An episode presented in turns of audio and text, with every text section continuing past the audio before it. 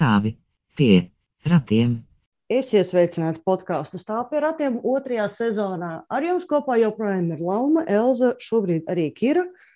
Un šis ir jau otrais pieejams šīs epizodes ierakstam, tā kā iepriekšējo reizi bērnam ļoti aktīvi nāca zobi. Čau, Elza! Čau, Lauma! Čau, Kira! Mums ir viengadniece studijā. Publiskai lielais šautauts, jā, ka, ka mēs arī lēnām virzamies prom to, ka arī Lauma drīz vairs nestāvēs pie ratiem. Pamazām, tā. pamazām. Arī pamazām. mums ir viengadniece un 32 gadniece, jo mums abām ar meitu bija jubilejas pagājušā nedēļa. Mm. Un, tā kā mums te bija vienās svinībās.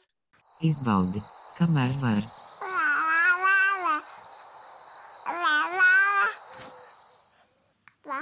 Pirmām kārtām jau mēs noteikti vēlamies pateikties visiem mūsu superīgiem klausītājiem par pirmās sezonas klausīšanos, par atsauksmēm, par komentāriem, par ieteikumiem. Mēs priecājamies par katru ieteikumu, mēs priecājamies par katru atsauksmi. Un, tāpēc laipni lūdzam jūs arī šajā sezonā turpināt būt aktīviem pēc katras epizodes droši, droši dot mums ziņu vai sociālos tīklos, vai rakstot uz e-pastu, ja gribas tā nemanāmi. Mums ir Facebook lapa, kur atstāt savus komentārus. Noteikti sniedziet savus atsauksmes. Tas ļoti palīdz mums domāt par saturu, veidot saturu, domāt par to, kā, ko mēs gribam ar šo podkāstu vispār pateikt.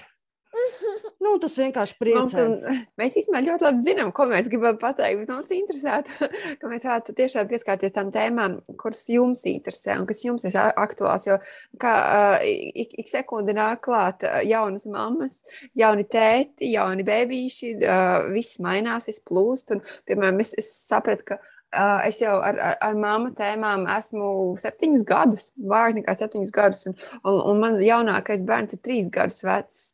Es jau īstenībā vairs neesmu jaunā māte pēc dažiem, pēc dažiem um, parametriem, dažiem pētījumiem, kas nošķir, ka jaunā māte vispār līdz diviem gadiem. Līdz pusotram gadam. Un tāpēc uh, man arī ļoti svarīgi, lai es nezaudēju saikni ar jums, lai saprotu, kas ir jaunā māte, kas, ir, kas viņai ir aktuāls. Kā, mēs ļoti novērtējam, novērtējam feedbacku.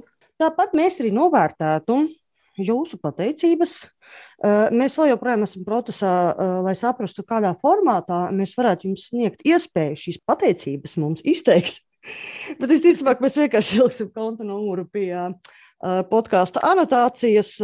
Tā kā paskatieties tajā platformā, kurā jūs klausāties, un, ja jums gadījumā tiešām patīk tas, ko mēs darām, bet jūs gribat, lai, piemēram, mums būtu jauns mikrofons, vai mēs varētu sasniegt plašāku auditoriju, izmantojot sociālo tīklu reklāmas, tad pārtraukšu tevi un teikšu, tā nav pat pateicība, tā ir investīcija. uh, tur uh, hostings un, un mikrofoni un reklāma un tādas lietas, tas viss maksā naudu. Tā kā me money! Jā, tā ir monēta. Un starp citu arī uh, pilnīgi noteikti varat arī ieteikt. Varbūt, uh, varbūt kāds vienkārši ir jau saskāries ar kaut kā šo ziedojumu vākšanas vai kaut kā tam līdzīgu. Uh, Jā, jo mēs nu, neko vairāk negribam darīt. Mēs vienkārši gribam runāt, bet, nu, ja jūs gribat mums samaksāt, mēs priecāsimies. tieši tā, tieši tā.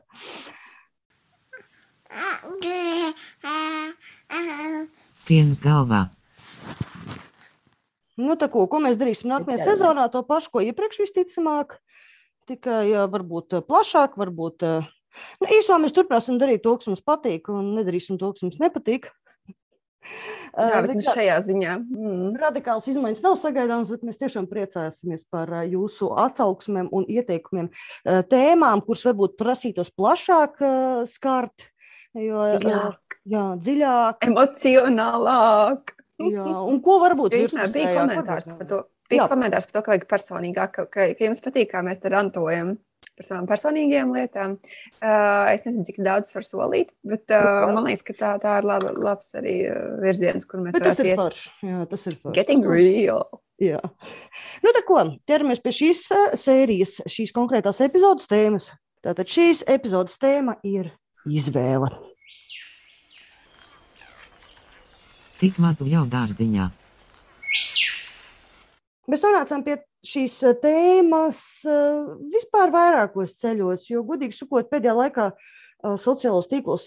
Ne tikai pēdējā laikā, vispār var pamanīt, ir tāda tendence, ka ir tādas māmas, kuras nereti paužot savu uh, savu teiksim, redzējumu par savu mākslības pieredzi, mēdz lietot vārdus, es izvēlos būt laimīga vai es izvēlos neciest. Un mēs reāli nolēmām parunāt par to, ko nozīmē nevis ciešana vai laime, bet ko nozīmē tieši izvēle mākslībām. Tieši tā. Uh, jā, un, un, un īstenībā arī ģimenes studijas sižets un, un, un, un pirms tam dažādi ierakti. Uh, varbūt šī, šī ideja par šo tēmu jums bija krietni laika iepriekš, jau, jau iepriekšējā sezonā. Labi, nekas nav mainījies. Uh, nav tā, ka mums tur vasara pa vidu vai kaut kas tam līdzīgs, bet šī tēma ir tas, tas ko mēs marinējam ilgu laiku. Un, uh, es ļoti vēlējos sev vispirms noformulēt, kas ir tas, kas man visvairāk sāp saistībā ar izvēlēm. Es saprotu, ka tur ir divas, divas puses tam visam. Uh, Un varbūt pirmkārt, no, teorētiskā puse, no teorētiskās puses skatoties, arī atkal atgriežoties pie šīs intensīvās mācības, mēs redzam, ka sabiedrībā valda uzskats, ka pirmkārt par visu saistībā ar bērnu kopību un, un tam līdzīgi. Nu, dominējošais diskurss ir tas, ka māte ir tā, kas izvēlās. Uh, Mums nu, pat kāds bija pētījums par antivakcinēm atsaucīgo māmiņu formā, un tur arī parādījās, ka ļoti liela sabiedrības daļa saka, ka tieši māte ir tā, kas izlems arī, ko darīt ar vakcinēšanos. Tas, tas nekas, ka, piemēram, tēvs pēkšņi pasaka, ka, ka, ka nē, viņš negrib vakcinēt bērnus. Māte, mātes atbildība ir pieņemt šīs pareizās izvēles. Māte tiks nosodīta, ja šīs izvēles netiks pareizi veiktas, un, respektīvi, viss saistībā ar bērnu ir uz mātes. Un, uh, tas ir tas arī, ko, ko saka uh, vairāk autori. Arī tā, tā skaitā tā pati Heize, kas, kas runā par šo intensīvo mācības diskursu. Uh, tas ka, uh, ir uzskats, ka visu pasauli izglābs sieviete uh, ar, ar savām pareizajām izvēlēm. Jo mēs arī skatāmies no neoliberālas puses, ka, ka, ka, ka visa dzīve mums ir konstruēta kā, kā kaut kādas izvēles, kuras mēs varam pieņemt, nu, kā, izvēlēties, pieņemt. Un, un tad mēs nonāksim pie kaut, kāda, kaut kādas balvas, būs kaut kāds baigais reward. Nu, tā kā tas mazliet datorspēlē, bet nu, mēs ļoti labi zinām, ka dzīvē tā gluži nenotiek. Es tieši gribēju komentēt, ka man tas viss atgādina datorspēli. Uh, Bet uh, drīzāk man ir tāds sajūta, uh, biežāk par dzīvi, ka tas ir escape rooms. Es tikai nevis kaut ko izvēlēs no konkrētām izvēlēm, bet tu meklē tās atslēgas. Nevienmēr tev ir uh, nu, sniegs šis A, B, C, D variants, no kura tu izvēlēsies labāko. Tas ir viens no maniem komentāriem. Bet otrs ir arī tas, ka nevienmēr izvēle ir kā veikalā arī kaut kas viens no nu, vairākām opcijām, bet tas ļoti bieži ir ļoti garš ceļš. Tas ļoti ir ceļš, pārdomu ceļš un process, kā mēs nonākam pie tā lēmuma. Visbiežāk tas nozīmē atsacīties no ļoti daudz kā. Tieši tā, tu teici, jā, ka tas nav tā kā veikalā. Bieži vien, manuprāt, arī saistībā ar visādām mākslības izvēlēm un bērnkopības izvēlēm, tu esi drīzāk tupika priekšā, un tev tās izvēles vispār nav. Un tu stāvi blends sienā un, un mēģini saprast, kā tagad izkārpīties no tā visa laukā. Un uh, varbūt tu pat uh, savā pozīcijā šīs izvēles neredzi. Okay, cilvēks no malas varbūt paskatoties, redz, o, oh, es tavā vietā darītu šādi vai, vai, vai šādi, bet tu esot savā pozīcijā, pat citādi nemaz nevari izdarīt. Nu, tas vienkārši tas ir tās ir tavas limitētās iespējas. Un, un, un tev nav pat tās izvēles, ko veikt. Mm. Jā, kaut vai no tīra tāda psihoterapijas viedokļa, ļoti bieži ir tā, ka cilvēks, kas aiziet no psihoterapeita, vēl kaut kā sev uzdod jautājumu, kāpēc nebija ātrāk, kāpēc tu neizdarīji ātrāk. Bet loģiski, ka pēc tajā brīdī visticamāk tev nebija nepieciešamo resursu, un es pat nerunāju par kaut kādiem materiāliem, laika vai kaut kādiem tam līdzīgiem. Ļoti bieži tie ir nemērami un varbūt metafīziski resursi, bet, nu, īsakot, to tajā brīdī nav bijis. Nu, tas nebija tas brīdis, kurā uh, tev bija iespēja pieņemt šo izvēli, visticamāk. Un ļoti līdzīgi man šķiet arī daudz ko mātešķībā, jo vismaz no Vismaz tās māmas, kas, eh, ko es esmu manījusi, kas saka, ka viņas izvēlas neciest, parasti to saka par pirmiem bērniem vai tās, kurām ir bijuši vairāki, un, un tad viņi saka, ah, nu, ar trešo es jau sapratu, ka nu, patiesībā viss ir daudz īzīgāk, un nu, tur nav ko tur baigi ieņemties. Bet tam visam, lai nonāktu laikam pie tādas kaut kādas tā sajūtas, ka es esmu kontrolē par to, ko es daru, respektīvi, tā, es izvēlos, nevis man kaut ko tur liktenis piešķir. Uh, tas tomēr prasa tādu iziet cauri tiešām varbūt arī kaut kādam tādam ļoti grūtam posmam. Es tev piekrītu, jo, nu, piemēram, man izvēle neciest. Man ir ļoti tieši, tieši teicu par to pirmo bērnu, un, un uh, es biju tādā situācijā. Es biju uh, Man bija ļoti smagas pēcdzemdības kumjas. Es uh, sēdēju savā bedrē, bērnam bija seši mēneši. Un, un es, es īstenībā visi tie pirmie seši mēneši bija ļoti drūmi. Un, un tikai vēlāk skatoties uz to, kā, kā, ka bērns bildēs ir saģērbts melns, un, un ka es pati esmu melna, un, un neviens nesmaida. Un, un es pat bildēs, es iztos pēc biedeklīša, pēc Halloween, kaut kādas spociņa. Es tikai nu, vēlāk saprotu, jā, cik, cik ļoti nelaimīga es biju. Un uh, tajā mirklī, kad, jā, kad, es, kad es sapratu, ka, ka, ka ir tā bedra, ka es esmu iekritusi bedrē, tad uh, okay, jā, es, es varbūt izvēlējos no tā kārpīties laukā. Es izvēlējos ar to, ka es piesaistīju vīru un, un, un, un vīra māti un, un centos vairāk veltīt laika sev un tam līdzīgi. Bet, bet man šī, šī iespēja bija. Ir tik daudz mammas, vientuļās mammas, nu, nevis vientuļās, bet solo mammas, teiksim tā solo mammas, kurām tādas iespējas nav, vai arī finansiālai resursi ir tik šausmīgi ierobežoti, ka tu pat tādu izvēli nevar veikt. Uh, cits piemērs, man pirmais bērns arī es, es nezināju, ko darīt. Bērnam 40 grādu temperatūra. Uh, man īsti nav ģimenes ārsts, ka bieznīt vakarā. Es tikai pa dienu dīkst viņu traucēt. Un ko es varu darīt? Okay. Viena izvēle ir. Uh, Uh, nu, man bija rocība, es paņēmu un izsaucu um, ārstu par maksu uz mājām, kas atnāca un man nokonsultēja par 120 eiro. Lai pateiktu tikai to, ka nu jā, mums tur bērnam kaut kāda doba un kaut kādas tur, es nezinu, uh, iesnas, un, un, un es esmu mierīga. Pēc tam, lai gan esmu iztērējis šausmīgāko, bargāko naudu, uh, Uh, un es ticu, ka kādam no malas tas izstāsta ļoti, ļoti vienkārši izvēle. Protams, ka labāko bērnam un, un ko te vispār par naudu. Bet uh, citiem tie, tie 120 eiro par, par bērnu vienu vizīti pie, pie ārsta nemaz nav tā, ka tu vari pacelt. Un, un mēs atgriežamies pie tā, pie nevienlīdzības tēmas, pie kuras mēs arī pēc tam varētu tālāk aiziet. Kā tev šķiet, Lāma? Lai teiktu, ka es esmu izvēlējies to vai šito, ļoti bieži man liekas, ka ir jāsaprot, kas ir tas, ko tu neizvēlies. Uh, es nezinu, vai man doma ir skaidra, bet reizē ir jābūt kontaktā ar savām emocijām, ar situāciju, kurā tu esi. Viņu nosaukt vārdos, attiecīgi tas nozīmē arī izdzīvot tās emocijas, kuras tu izdzīvo, lai saprastu, ko darīt tālāk. Ja tev, piemēram, nav bijusi pēcdzemdību depresija vai kaut kādas citas problēmas, ļoti iespējams, ka tev nav bijis nekas jāizvēlās. Nu, izklausās skarbi, Piedodiet, nu, es esmu mēģinājis būt arī ļoti laipni un pieklājīgs sociālajos tīklos un tam līdzīgi, bet tas viss beidzas ar bieži vispār interesanti, tāpēc teikšu, kā ir. Uh, man liekas, ka ļoti svarīgs ir šis uh, um, atslēgas vārds atkal ir apzinātība, šis nodaldētais riebīgais vārds, uh, bet, kurš varbūt ir nonivelēts, bet tāpat laikā nu, viņš ir nepieciešams, lai mēs varētu veikt kaut kādu apzinātu izvēli. Mums ir jābūt informētiem par to, ko mēs īsti izvēlamies ja es izvēlos būt laimīga, tad man ir jānodefinē sev, kas tad ir tas, kas man dara nelaimīgu, un ļoti iespējams, ka man tas ir vismaz emocionāli jāizdzīvo, nevis no tā jābēg. Es runāju par savu, protams, pieredzi, jo man tas ir bijis svarīgi. Uh, ir tas, ka man ir raksturīgs ļoti noliegt pašai savas emocijas, uh, vai uzskatīt viņas par maznozīmīgām un tā. Un man tas ir ļoti liels process. Nu, šī ir tāda personīgā līnija. Uh, Man tas ir ļoti liels un grūts process atzīt, ka man, piemēram, šobrīd ir tiesības justies skumji, man ir tiesības justies dusmīgai, man ir tiesības justies tā, kā es jūtos. Un tajā brīdī, kad es to esmu atzinusi, tad es jau varu tālāk izvēlēties, ko es ar šīm emocijām daru. Vai es turpinu viņas izjust un, teiksim, tiešām krist varbūt kaut kādā upurlomā, vai es ar viņām strādāju. Jo mēs arī atkal varam atgriezties pie tās dominējošā diskursa sabiedrībā, kas pasaka, kā, kā tev īstenībā vajadzētu justies un kā tev vajadzētu izskatīties kā jaunai mātei. Un, un tajā meklī, ka tā ir pilnīgi jauna pieredze tev, un tu pat iepriekš, nu, kā pirmais bērns, vai arī otrais bērns. Es esmu lasījusi, ka, ka, ka mamām pēkšņi iet viss greizi, arī ar otro bērnu var tešot, kā viss ir kārtībā.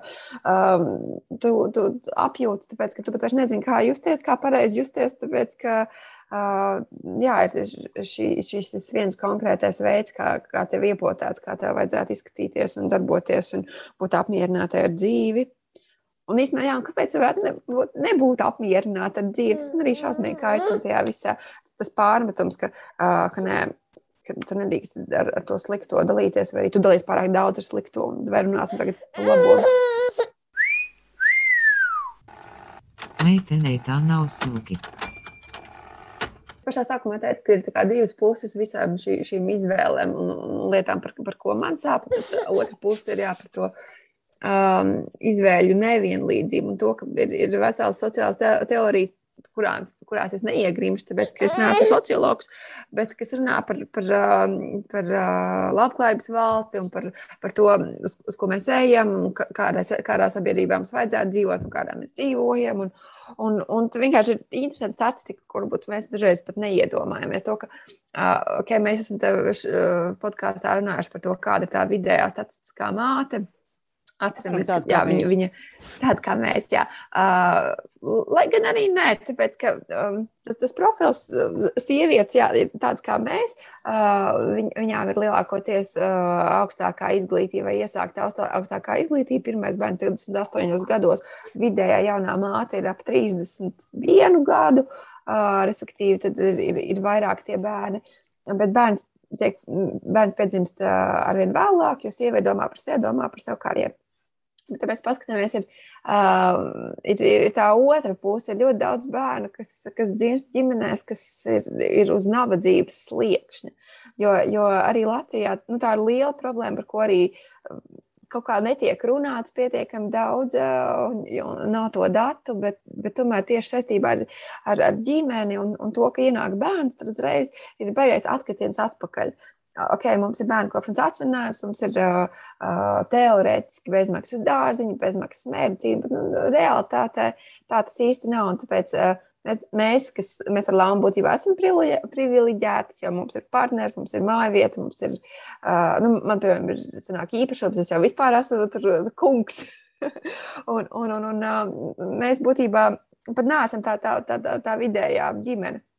Tāpēc, ka vidējā ģimene ir viena vecāka ģimene. Uh, vai arī nereģistrētas attiecības. Un, un mēs pat nevaram iedomāties tās, tās problēmas, ar kurām sastopās tie, tie cilvēki un tās izvēles, kas viņiem ir jāveic. Kur, piemēram, man ir dati, ka Latvijā ir augsts ienākuma nevienlīdzības rādītājs, un tieši tas Gini indeks, ok, jums varbūt tas neko neizteiks, bet uh, ir augsts nabadzības un sociālās atstumtības uh, riskam pakļauto iedzīvotāju īpatsvars. Un, un, ja tev ienāk ģimenē bērns, tad ir lielāka iespējamība, ka tu vari nokļūt, nu, kā saskaties ar nabadzību. Un šī Covid pandēmija kā tāda to parādīja. Un tāpēc runāt par kaut kādām izvēlēm un iespēju neciest, uh, kā tu vari vispār izvēlēties neciesti. Tev jādomā visu laiku par to, kā, kā tu savu bērnu pabarosi, vai arī vai tu pietiekami labi viņu pabarosi. Un tad, tad mēs atgriežamies pie, jā, pie, pie, pie Burģē un citām teorijām par to, ka nevienlīdzība sākas jau no, jau no piedzimšanas. Un, un mēs pat dažreiz nevaram iedomāties tās izvēles, kas ir cilvēkam, kas ir piedzimis atvainos, jā, lauku reģionos, teiksim tā, bez, nu, piemēram, bez, bez piekļuves normālam uh, normālai medicīnas palīdzībai. Tur ir sievietes, kas vienkārši netiek līdz slimnīcai un nomirst. Okay, tādas ir maz, bet arī tādām nevajadzētu būt 21. gadsimtā. Ir, ir bērni, kuriem ir jāmēro tāls, garš ceļš līdz skolai. Un arī tāda ir starp mums, un, un viņiem tās izvēles ir pēc tam, ka viņi kļūst par vecākiem, un iespējams, ka viņi pat kļūst par vecākiem krietni ātrāk nekā mēs, privileģētās sievietes pilsētā. Uh, Rīgā, vai, vai mēs varbūt vēl izvēl, izvēlamies kaut kur ceļot un, un dzīvot citur, citā valstī, kur vēl labāk varbūt mums ir.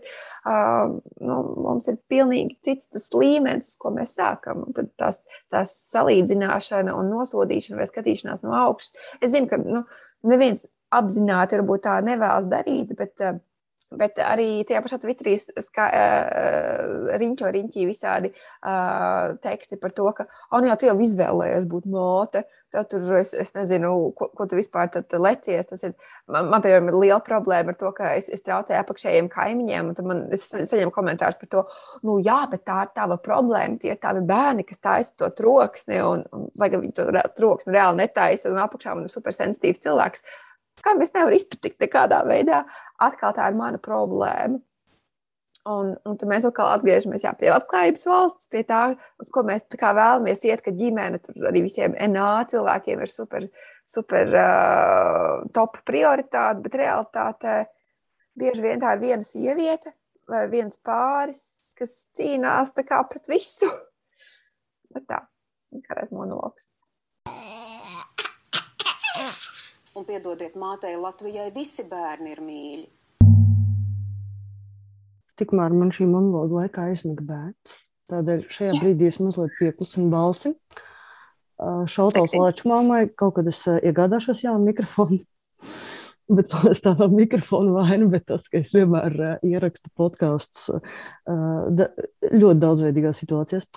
Nu, es uzreiz atcerējos, jā, to es gribētu pacitēt. Um, Twitterī bija viens tvīts uh, 17. oktobrī, kur uh, kāda jauna sieviete, jaunā māma saka, viņa gribētu piebilst, ka es sevi bērnos nepazaudēju stāstos. Ir zināms un reti pieminēts privilēģija aspekts, vai tā būtu nauda, ģimenes grafika, rada atbalsts vai nerad viss kopā, kas man šo piezīmi saurdināja, kā saurdīja kārtējā intervija, kur labs brīdis pavadīts lepoties, cik šī sieviete stipra, varena un unikāla. Nē, viņai nauda un resursi, par to nav jākaunās noklusēšana negodīga pret tiem, kam šādu resursu nav. Un tas ir tieši tas, ko tu sāki. Nav jau tas aiz ļaunprātības. Tas ir ļoti labi, ka cilvēki lepojas. Tas ir ļoti labi, ka mēs priecājamies par to, ka, ko mēs varam un kas mums ir. Bet jautājums ir, kā mēs to atkal noformulējam. Vai mēs lepojamies ar to, kas mums ir, vai mēs pašapliecinamies uz to fonu, kuriem kaut kas nav. Un vienkārši pasakām paši vainīgi. Jā, un, un tam ir vēl, vēl interesants punkts šajā visā. Uh, piemēram, uh, es, es izvilku laukā no, no, laikam, vai nu no profesors Belis vai, vai no citas profesors prezentācijas, atvainojos, neatceros, sociologiem, uh, bija aptauja 20. gadā Latvijas iedzīvotāju, iedzīvotāju viedokļi par trūkuma iemesliem. Un tad ir, ka lielākais procents saka, ka iedzīvotāji konkrēti ir trūcīgi, tāpēc ka viņi ir slinki un bez gribas spēka. Un, un tikai nākamā daļa saka, ka mūsu sabiedrībā pastāv liela netaisnība. Un, un uh, tikai 9% saka, ka viņiem nav veicies. Uh, un, un, un mēs vienkārši redzam to, to ka varbūt tāpat nav tāda vēlme nu, tā izteikties slikti. Vienkārši tas, tas nu, mēs nesaprotam nu, nevienlīdzības tos pamatus, mēs neiedomājamies, mums trūkst empātijas, varbūt saprast, nu, ka mēs, mēs visu pasauli tveram caur savu, savu prizmu, kas ir pilnīgi no, loģiski. Bet mums vajadzētu praktizēt to, ka mēs mēģinām saprast, ok, uh, ja man nebūtu šis vai nebūtu tas, tad kāda būtu mana dzīve nu, tā vienkārši atkāpties un paskatīties. Un pirms judžot atkal, mums atkal uh, kārtējā tēma, bet tā nav judging, esam saprotoši. Atcerēsimies, ka latviešu dzīves pamatā taču ir čaklumiņš un darba tikumiņš. Un, un vārds slings ir uh, nevis progresa bīdītājs, kā tas ir jaunajās vai ne neoliberālajās sabiedrībās, bet tas ir joprojām kaut kas tāds, kas ir ļoti slikts. Un, bet to mēs kaut kā to vārdu slings mēs piemērojam visdažādākajām situācijām. Es gan, šī gan ir no krievu internetiem, bet es atceros vienkārši vienu brīniš, brīnišķīgu komentāru. Es sekoju arī pa laikam nu, kaut kādam krievu Twitter māmiņām. Un tur ir druskuļi vēl hardcore nekā pie mums, zinot, kāds tur ir tas publiskais diskurss vispār par to, kādai ir jābūt mātei un, un, un ģimenes dzīvei. Un tur viss ir tāds ļoti konservatīvs un tāds pēc naftalīna mazliet smirdošs. Bet tur, kur mammas, teiksim, internetā apspriež kopā gulēšanu ar zīdēni, kas ir nu, normāla izvēle, vai ne? Nu, jebkurā gadījumā tā ir mm. mācība izvēle, gulēt ar zīdēni. Uh, tad joprojām atrodas bruņinieces, kuras šo izvēli kritizē ar vārdiem, ka tas ir mamām, kurām ir slinkums, lieku reizi pakaļ pacelt pa nakti. Un tad ir jautājums, kas tajā ir slikts? Mm, Tieši kas slikts ir tajā slinkumā. Un tāpēc man liekas, ka nu, absurdi, ka parasti tas nosodījums par izvēli ir par kaut kādām lietām, kuras, bet kāpēc nu, tev tas liekas slikti, bet man tas neliekas slikti? Nu, tā, nu, viss, nu, tas ir vienkārši par vērtību sistēmām. Precīzi, precīzi. Es vēl gribēju papildināt. Uh, man arī bija pirmais bērns, tas bija super pārcentīgi, perfekcionisti. Uh, es zinu, ka tas uzreiz ir briesmīga kombinācija, bet uh, es pār, uh, nu, tā kā man, man dzemdībnamā teica, ka man bērns tur, tur slikti ēda, vai, nu, lai, lai, lai ēd kārtīgāk. Un tad es sešas nedēļas pēc dzemdībām turpināju to dzemdību nama ritmu, ka es tiešām naktī uh, gāju uz otru istabu, pārvilku vienmēr pamperu uz, uz tā pārtinamā galda. Uh, tad skatoties pulkstenī, sēžot, lai es varu nokontrolēt, cik daudz viņš apēd, baroju viņu. Nu, tā kā dzemdība man, man parādīja, un es vienkārši, nu, I was going crazy. Bet uh, es turpināju, nu, es taču nebūšu slinka māte. Es taču nevaru barot guļot. Nē, nē, nē. Un vajag tā, lai viņš tiešām pamodies. Un, un augšā mēs trīs reizes naktī tā darītu. Tas, tas viss aizņem stundu. Un beigās tu vispār, nu, pat ne stundu vairāk. Un tu pat vispār neesi gulējis, bet nu, tu, tu neesi slinka māte. Bet par Krieviju īstenībā tas ir pilnīgs čau, kas tur notiek. Es lasīju pētījumus, es esmu stāstījis vai neesmu par to. Viņiem ir liela problēma ar surgātu mātēm. Jo surgāta māte vispār izkrīt laukā no viņa kaut kā tās, tās apziņas, bet tā ir liela problēma, ka nu, viņas ir vajadzīgas. Nu, mēs, mēs, diemžēl, dzīvojam sabiedrībā, kur arvien grūtāk ir tikt pie bērniņa. Tā, tā vienkārši ir. Un, un tad, tad tur bija jā, pētījumā, viņas tur bija formā runājuši, tad tas fórums bija analizēts, un tur bija tās šausmas, ko viņas saņem par to, ka viņas ir no vienas puses tiek nostādītas kā prostitūtas, tāpēc, ka nokļūtījās, nu, viņas, ko viņas ar savu ķermeni, dara ķermenis ir svētks. Svēts, un, un tas, kas ir viņās, tad tam būtu jāpaliek tā kā viņām. Un tad otrs, jā, bija tas, kā ārpēc, nu, lielākoties, jā, tās ir sievietes, kas nevar vienkārši atļauties, ka viņām, kam tā nauda ir vajadzīga, jo viņiem kaut kāda tā nauda nāk.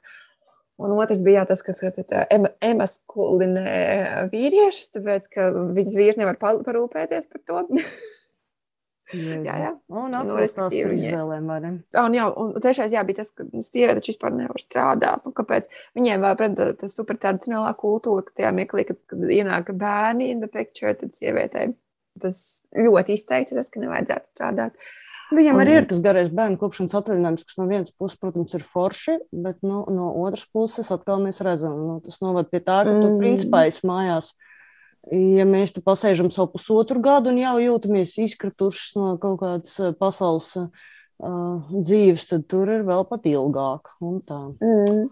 Nu jā, un atkal izvēles, tu, tu veids izvēli palīdzēt kādam un nopelnīt savu naudu, un tu tiec atkal nosodīt. Un tad tā sakrā es izmēr, gribēju vēl divus punktus, es atcerējos. Pirmkārt, jā, profesora Rubena ļoti forši arī visādās savās intervijās ir runājusi par to mūsu apsēstību ar laimi ar to, ka mūsu sabiedrībā arī audzinot bērnus, mēs ļoti, ļoti rūpējamies, lai, lai bērns būtu laimīgs. It kā laime būtu kaut kāds tieši tāds, kā mēs pirms tam runājām, ka tā, tā kā uh, spēlīte, kurā tu tur savācās punktiņus un dabūtu to, to laimi. Aizmirstot, ka laime nav ilgstošs stāvoklis, un, un, un tas vispār ļoti subjektīvi.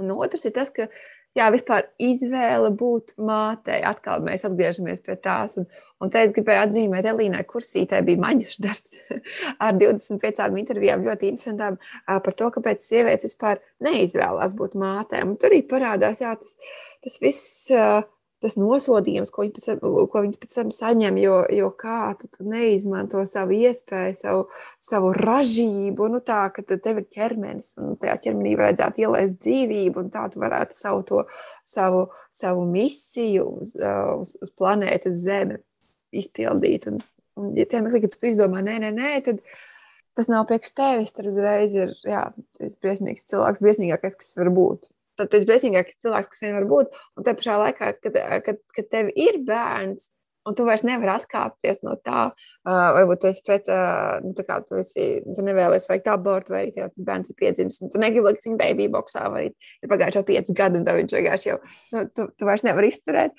Un, un tādā, tādā situācijā tu dabūtu to nosodījumu, bet kā tu taču esi māte, uh, un, un, un, nu, var to saņemies, tev taču ir, tev taču ir visādas iespējas, tam līdzīgi. Tu to izvēlējies, bet, bet tā izvēle tika veikta tik sen atpakaļ. Uh, un tu varbūt tas nonācis, tev ir mainījusies tā situācija, un tu vairs neko nevari darīt vairāk. Un, un tu varbūt negribi no tā bērna tikt vaļā.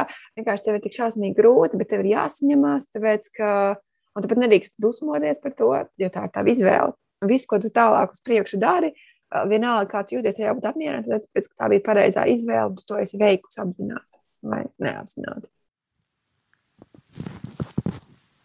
Nu, bet ko tu visu dienu dari? Nē, nu, protams, skaidrs, ka tie, kas uh, apgalvo, ka ir izvēle ciest vai neciest, ja mēs runājam, piemēram, par uh, labklājībā esošu ģimeni, kuriem ir atbalsts, kuriem ir visi šie objektīvie iemesli, neciest, būt laimīgiem, priecīgi audzināt bērnus. Atkal, mēs nekad nezinām, kas atrodas zem aizsarga redzamās daļas, kas atrodas aizsarga neredzamajā daļā, ar kādām uh, psihoemocionālas problēmas, veselības problēmām, varbūt cilvēki cīnās, kāds ir kaut kāds traumas, kas ir nodots no paudzes paudzē un tam līdzīgi. Un ka iespējams, ka Bet es biju kāda, ļoti nesen, bija tāda ļoti drūma epizode, un manā māmiņa tieši piezvanīja tajā dienā. Mēs bijām kaut kādu laiku sastrīdējušās, un uh, viņa man jautāja, tā, kas man ir, un tā, un es teicu, nu, depresija. Man jautāja, no kā? Uh, es teicu, nu, iespējams, no gēniem, iespējams, no audzināšanas. Un tad viņa man teica, ka man vajag saņemties, jo man taču ir bērns. Mm. Nu, lūk, un šī bija ļoti palīdzoša teksta. Bet, jā, katrā ziņā, nu, man, protams, tas viss likās tāds, nu, tajā brīdī es sāku smaidīt pa ilgiem laikiem, jo man likās, tas ir tāds tekstbuk, nu, tāds. Um, Uh, dosot, nu, neapzināts un negribēts, protams. Viņi jau grib tikai labāko, viņiem vienkārši nav citu rīku un instrumentu, kā runāt. Bet uh, tas ir vienkārši līdzīgs mehānisms, kā mēs vispār runājam par citiem cilvēkiem, vai ne? Tad, kad mēs nesaprotam viņu kaut kādas izjūtas, tad, kad trūkst empātijas. Kad mēs um, nesaprotam, ka viņiem ir, ka iespējams kādam cilvēkam ir ļoti. Katra darbība prasa saņemšanos, un katra darbība nozīmē izvēli.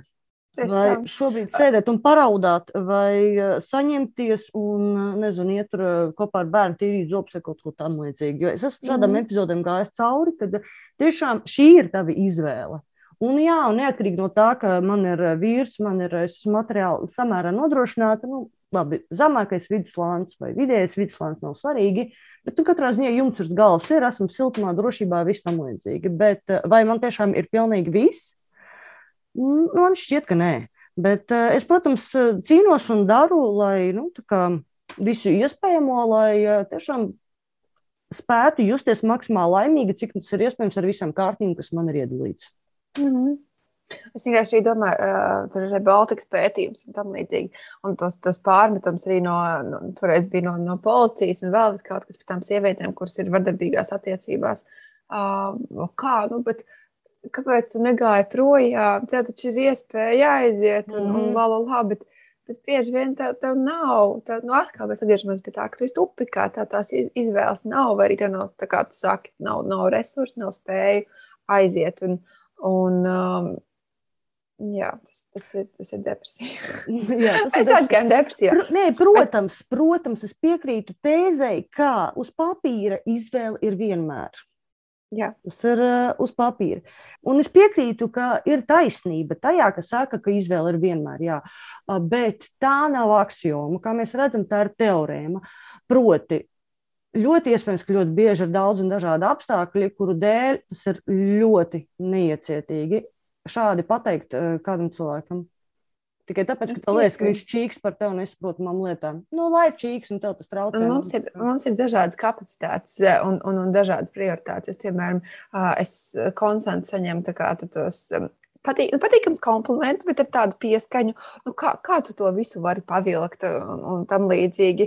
Uh, nu, es, uh, bet es citādāk nevaru, man nav izvēles.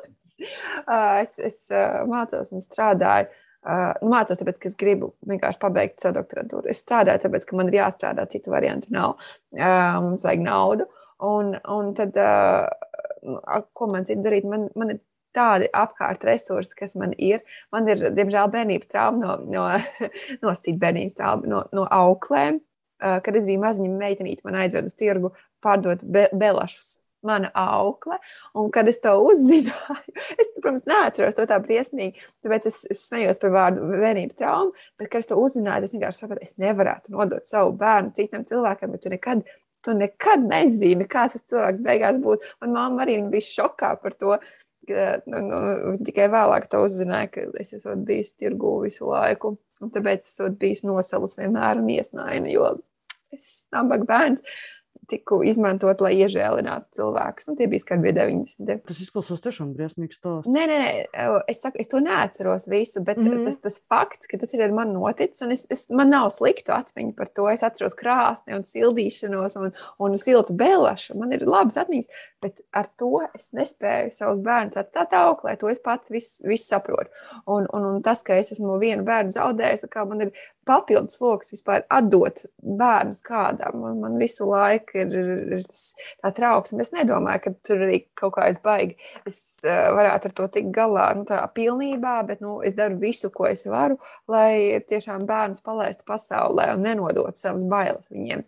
Un cilvēkam no malas varbūt ir, ir, ir tas, jā, kāpēc tu viņus nevari bērnu dārzā? Viņi taču ir lieli. Uh, tad taču būtu daudz vieglāk, ja tu to izdarītu. Nu, citi grib kārtot manu dzīvi manā vietā un, un, un nosoda, ka es nedaru tā, kā viņi to redz labu. Bērnam vajag cilvēkos.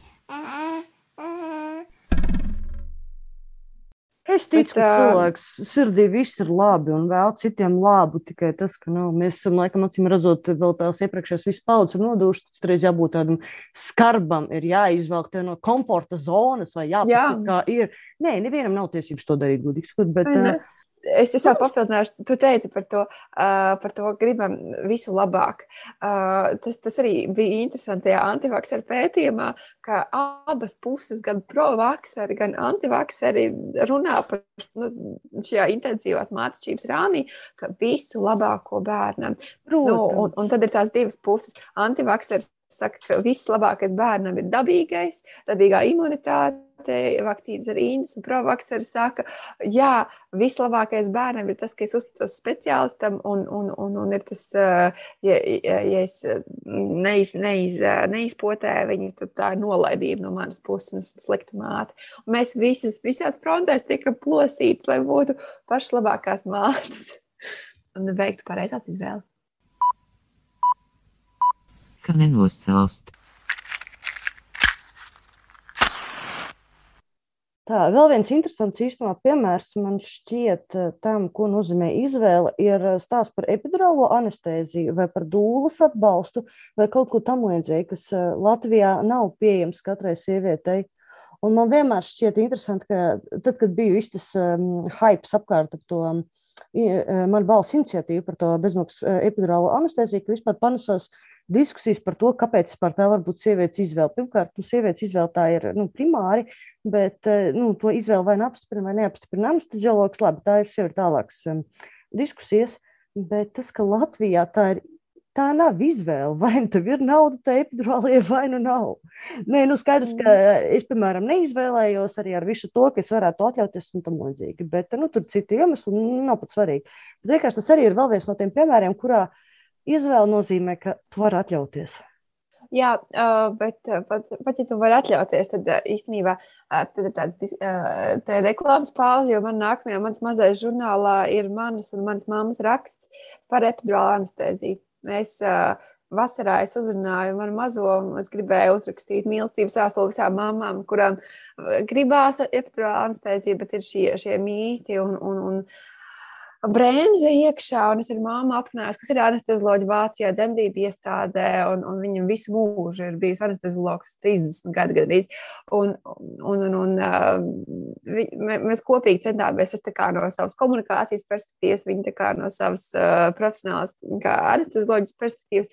Mūs mazliet norediģē, nebūs tik ļoti empowering. Tas raksts, kā es sākotnēji biju iecerējis, bet tā doma ir tāda, jā, ka, ka ir ļoti maz medicīnisku indikāciju, kas teiktu, ka tu nedrīkst. Tur ir kaut kāda, tur mamma bija uzskaitījusi piecas tās, tas konkrēts no, no, no. Bet lielākoties ir pētījumi, ārzemju pētījumi, kas parāda, ka tomēr tā ir ļoti laba izvēle. Tad nu, arī garš saraksts ar, ar, ar pētījumiem un, un, un punktiem, kas tev pasaka, ka ir, ir ļoti daudz faktoru, kas tev palīdzēs tajā dzemdībās, jo tu tiešām izdomās šo, šo um, šo pakalpojumu iegādāties, Latvijā iegādāties. Uh, bet uh, tas lielais, lielā sāpe ir tāda, ka ļoti daudz medicīnas speciālistu domā, ka, ka viņi var veikt šo izvēli sievietes vietā. Un, un viņiem ir tas tiešām jā, padomju mantojums vēl prātā par to, ka uh, mēs esam stiprs, mēs esam varants, mēs varam dzemdēt pat kartupeļu dobē un, un, un, un epidurāla anestezija mīkstajiem. Un tas ir pilnīgi greizi, un Eiropā sen vairs tā nedomā. Un, un, un uh, epidurāla anestezija ir droša un, un ir ļoti maz iespēja, ja, ka kaut kas noies slikti. Nu, iespējas vienmēr ir. Bet nu, doma ir tāda, ka, ka tas ir droši un tas palīdz mammai sakoncentrēties. Un, un nav tā, ka tu paliec pēc kaut kādu klasi klasi zem, jā, tieši tā, un, ka, tu esi klasi zemāk, ja tu esi mīkstā, ja tu nespēji to izdarīt. Tas ir pilnīgi reizi, un, un tas ir tas, kas vēl sabiedrībā ir aizgājis vēl joprojām.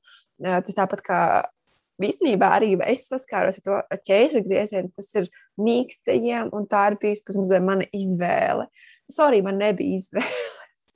Man tiešām nebija izvēles. Es gribēju dzirdēt, kā īstās latviešu sievietes, bet nē, man nesanāca. Un, un tā atkal... būtu, vai ne tās sievietes, kuras izvēlas plānveida ķēzara griezienu, o, mēs Jā. nezinām, kas tur apakšā ir.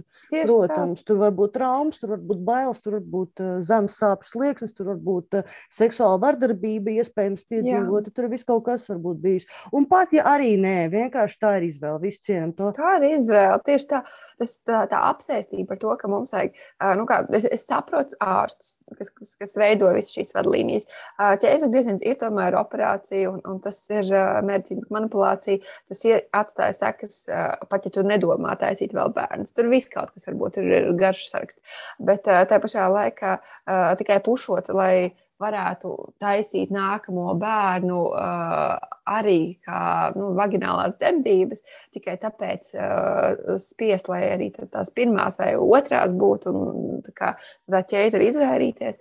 Nu, nu, tā, ok, es saprotu, piemēram, Brazīlijā tā ir liela sāpe. Tur, tur visas grib ķēzars, un, un tur tas ir urā. Dienvidu Amerikā, jā, tas ir baigas bizness. Jā, jā bet, bet tā nav mūsu situācija. Mēs, man liekas, nu, mums tā, tā kultūra ir, ir mazliet citāda. Jā, es īstenībā varu pakomentēt savu personīgo uh, pieredzi, tomēr, kāpēc es izvēlējos dzemdēt bez uh, epidurālās, jo es ļoti vēl, esmu ļoti zinkārīga.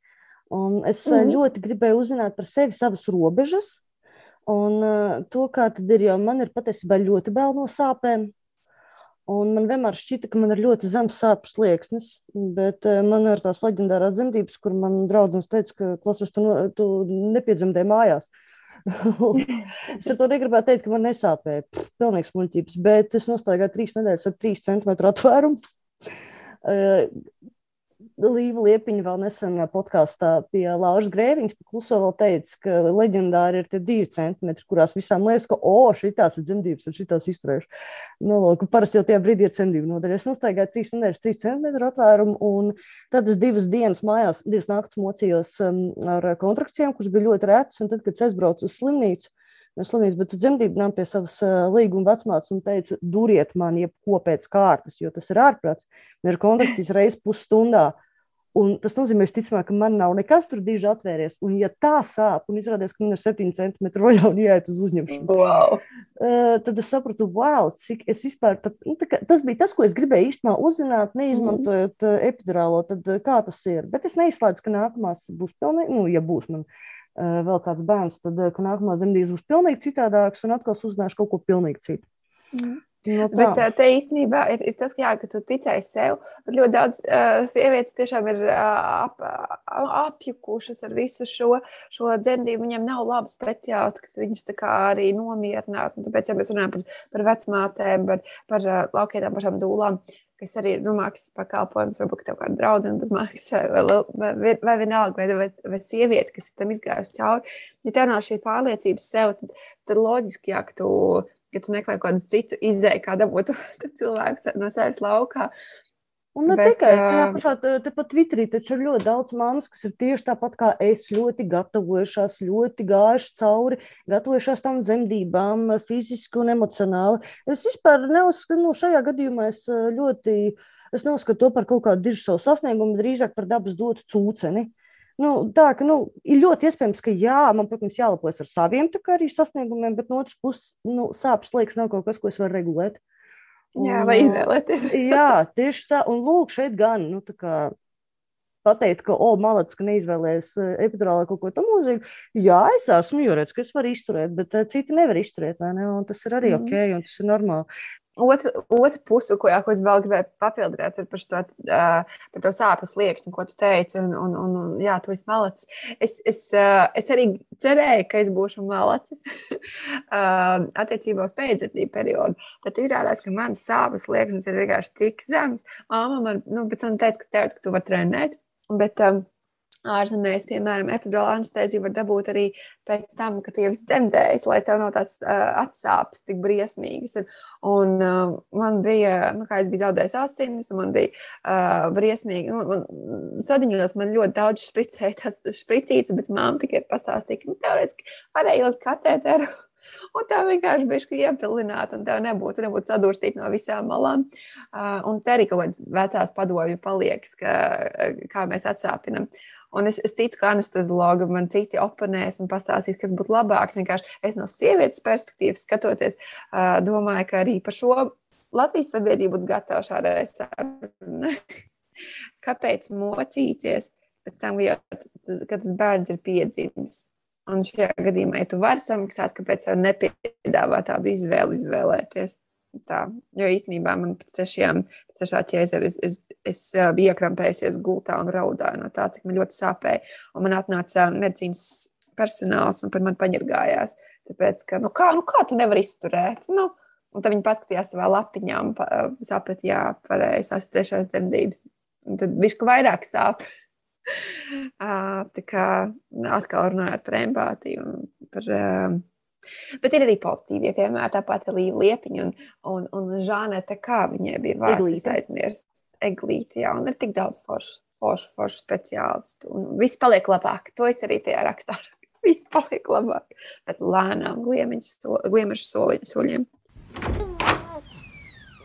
Pagaidi, kad nāks zobi. Nu, ko mēs varētu, kā, kāds varētu būt gala secinājums? Nu, mans gala secinājums ir tas pats, ko es jau laikam pa vidu īstenībā teicu. Ciest var būt izvēle un būt laimīgam var būt izvēle, ja tev ir eh, piemēroti instrumenti un rīki, ja tev ir tas arsenāls, ar ko veikt izvēli, bet eh, tas nevienmēr ir nu, kaut kas, nu, kā parasti lietas, ka mēs esam jau garlaicīgs un paredzams. Tas nav luksufors, tas ir spektrs, izvēle ir process un ceļš, nevis um, tests. Nu, vai kaut kas tāds, nezinu, labi pasaktu. No, es tev pilnībā piekrītu. Nē, tu ļoti labi pateici. Šis arī tas, kā, kā es uz to raugos. Un, un atkal es esmu, e, e, es esmu empātijas maģinieks. Saku, lūdzu, esam cieņpilnāki pret citiem un, un viņu izvēlēm, jo mēs tiešām nezinām, kādās kurpēs viņi ir. Ja kāds ir izvēlējies ciest, tad visticamāk, un tiešām to dara skaļi un pauž. Un, pilnīgi nu, nenormāli kaitina un kretinē, ko tā mamma var sūdzēties vienā laidā. Nu, varbūt padomāsim, ka ir kaut kāda objektīva iemesla, tomēr kādēļ viņai neiet viegli. Puikas, taču neraud. Jums kopā bija Elza, Launa. Kira jau ir aizmigusi. Un šis bija podkāsts tā pie ratiem. Noklausies pats, padod tālāk un noteikti padod ziņu, kā tev patika. Čau! Čau! Es tādā vārgā balsī. Čau! Čau! Stāvi pie ratiem.